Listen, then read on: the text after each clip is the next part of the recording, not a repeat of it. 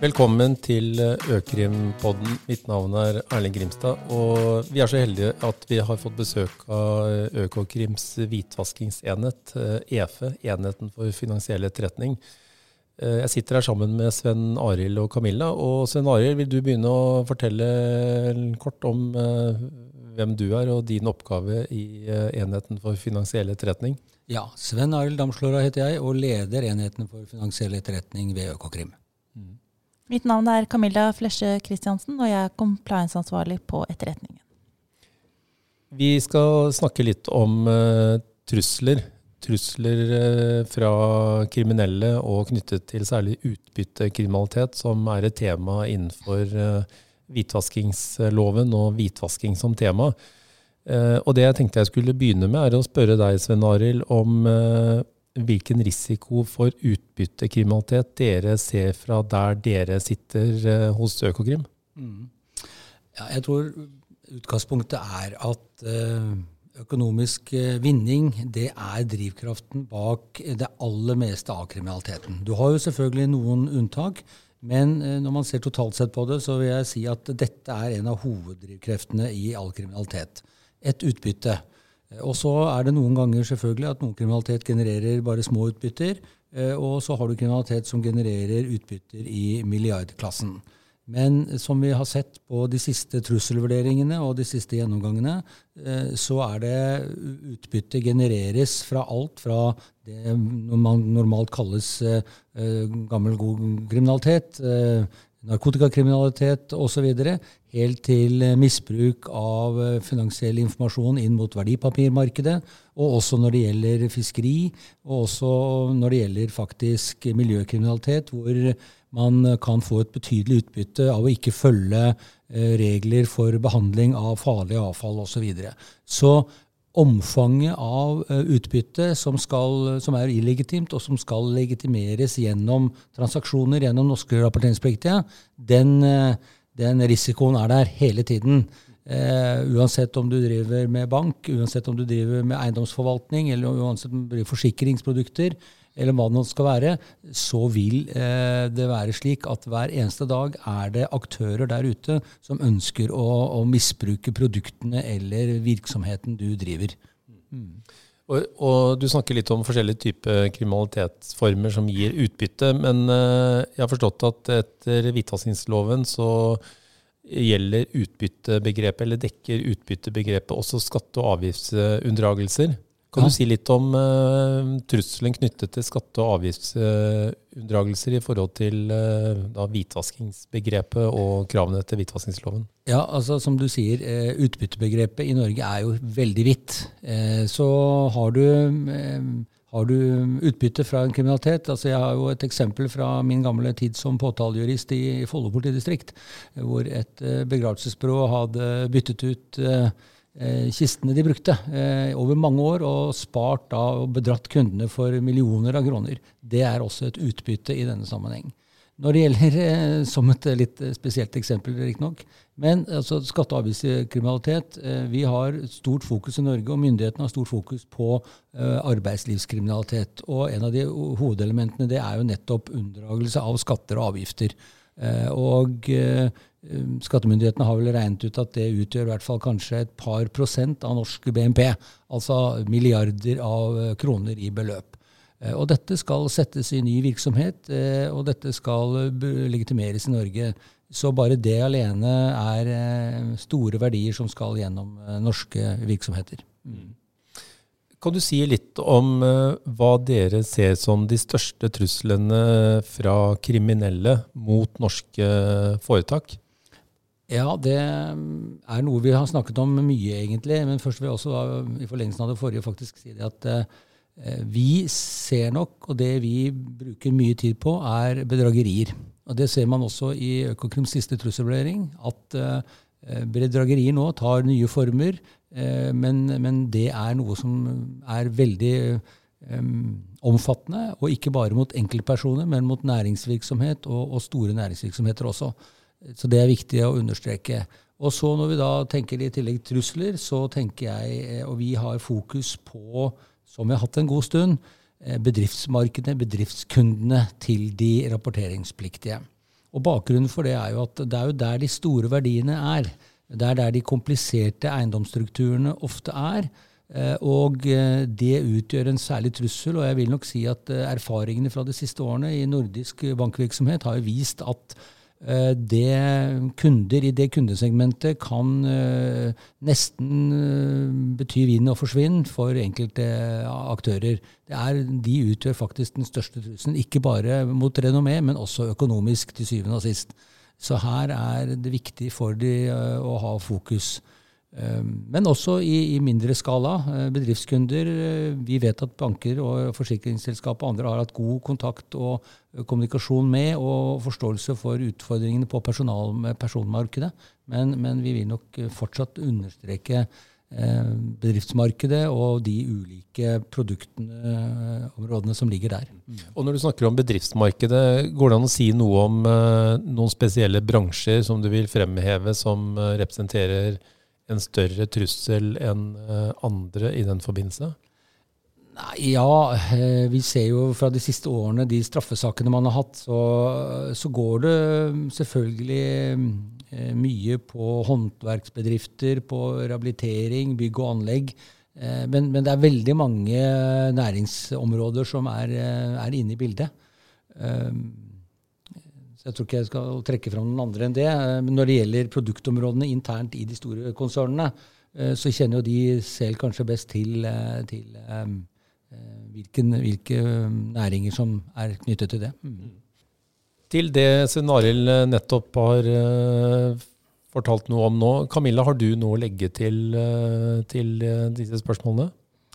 Jeg kan jo legge til at i forhold til uh, trusler mot uh, virksomhetene, så er shipping og fiskeri også store områder som det er viktig at rapporteringspliktige har fokus på. Mm. Vi har nå gått gjennom noen spørsmål som handler om trusler, som jeg tror mange rapporteringspliktige er opptatt av når de gjør sine trusselvurderinger på et overordnet nivå, men også trusselvurdering knyttet til kundenivå.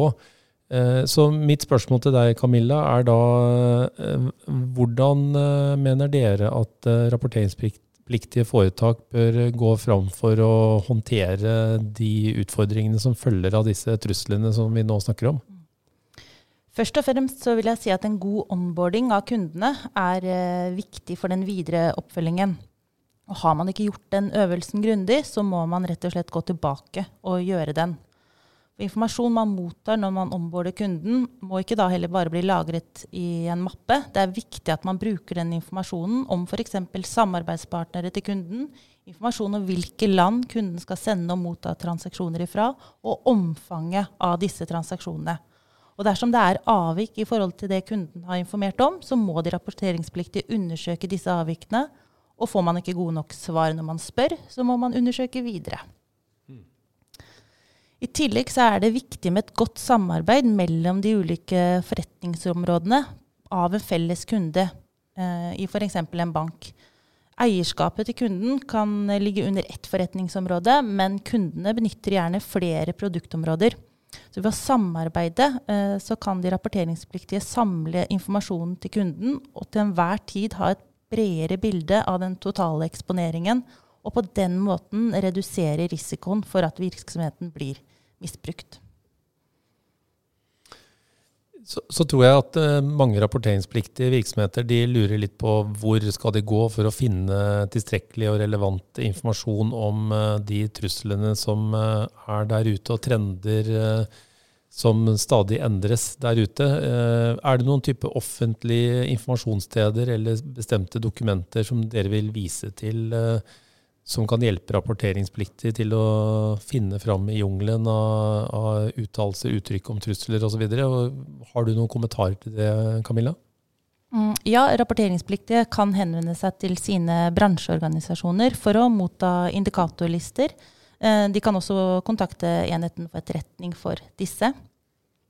Eh, Eller så har vi jo nasjonal risikovurdering og Økokrim sin trusselvurdering, som er de viktigste og kanskje de beste produktene på akkurat det arbeidet. Men eh, vi har også eh, produsert uh, NTAS, som er et tverrfaglig analysesenter. De har også veldig gode situasjonsbeskrivelser som er nyttige å, å lese.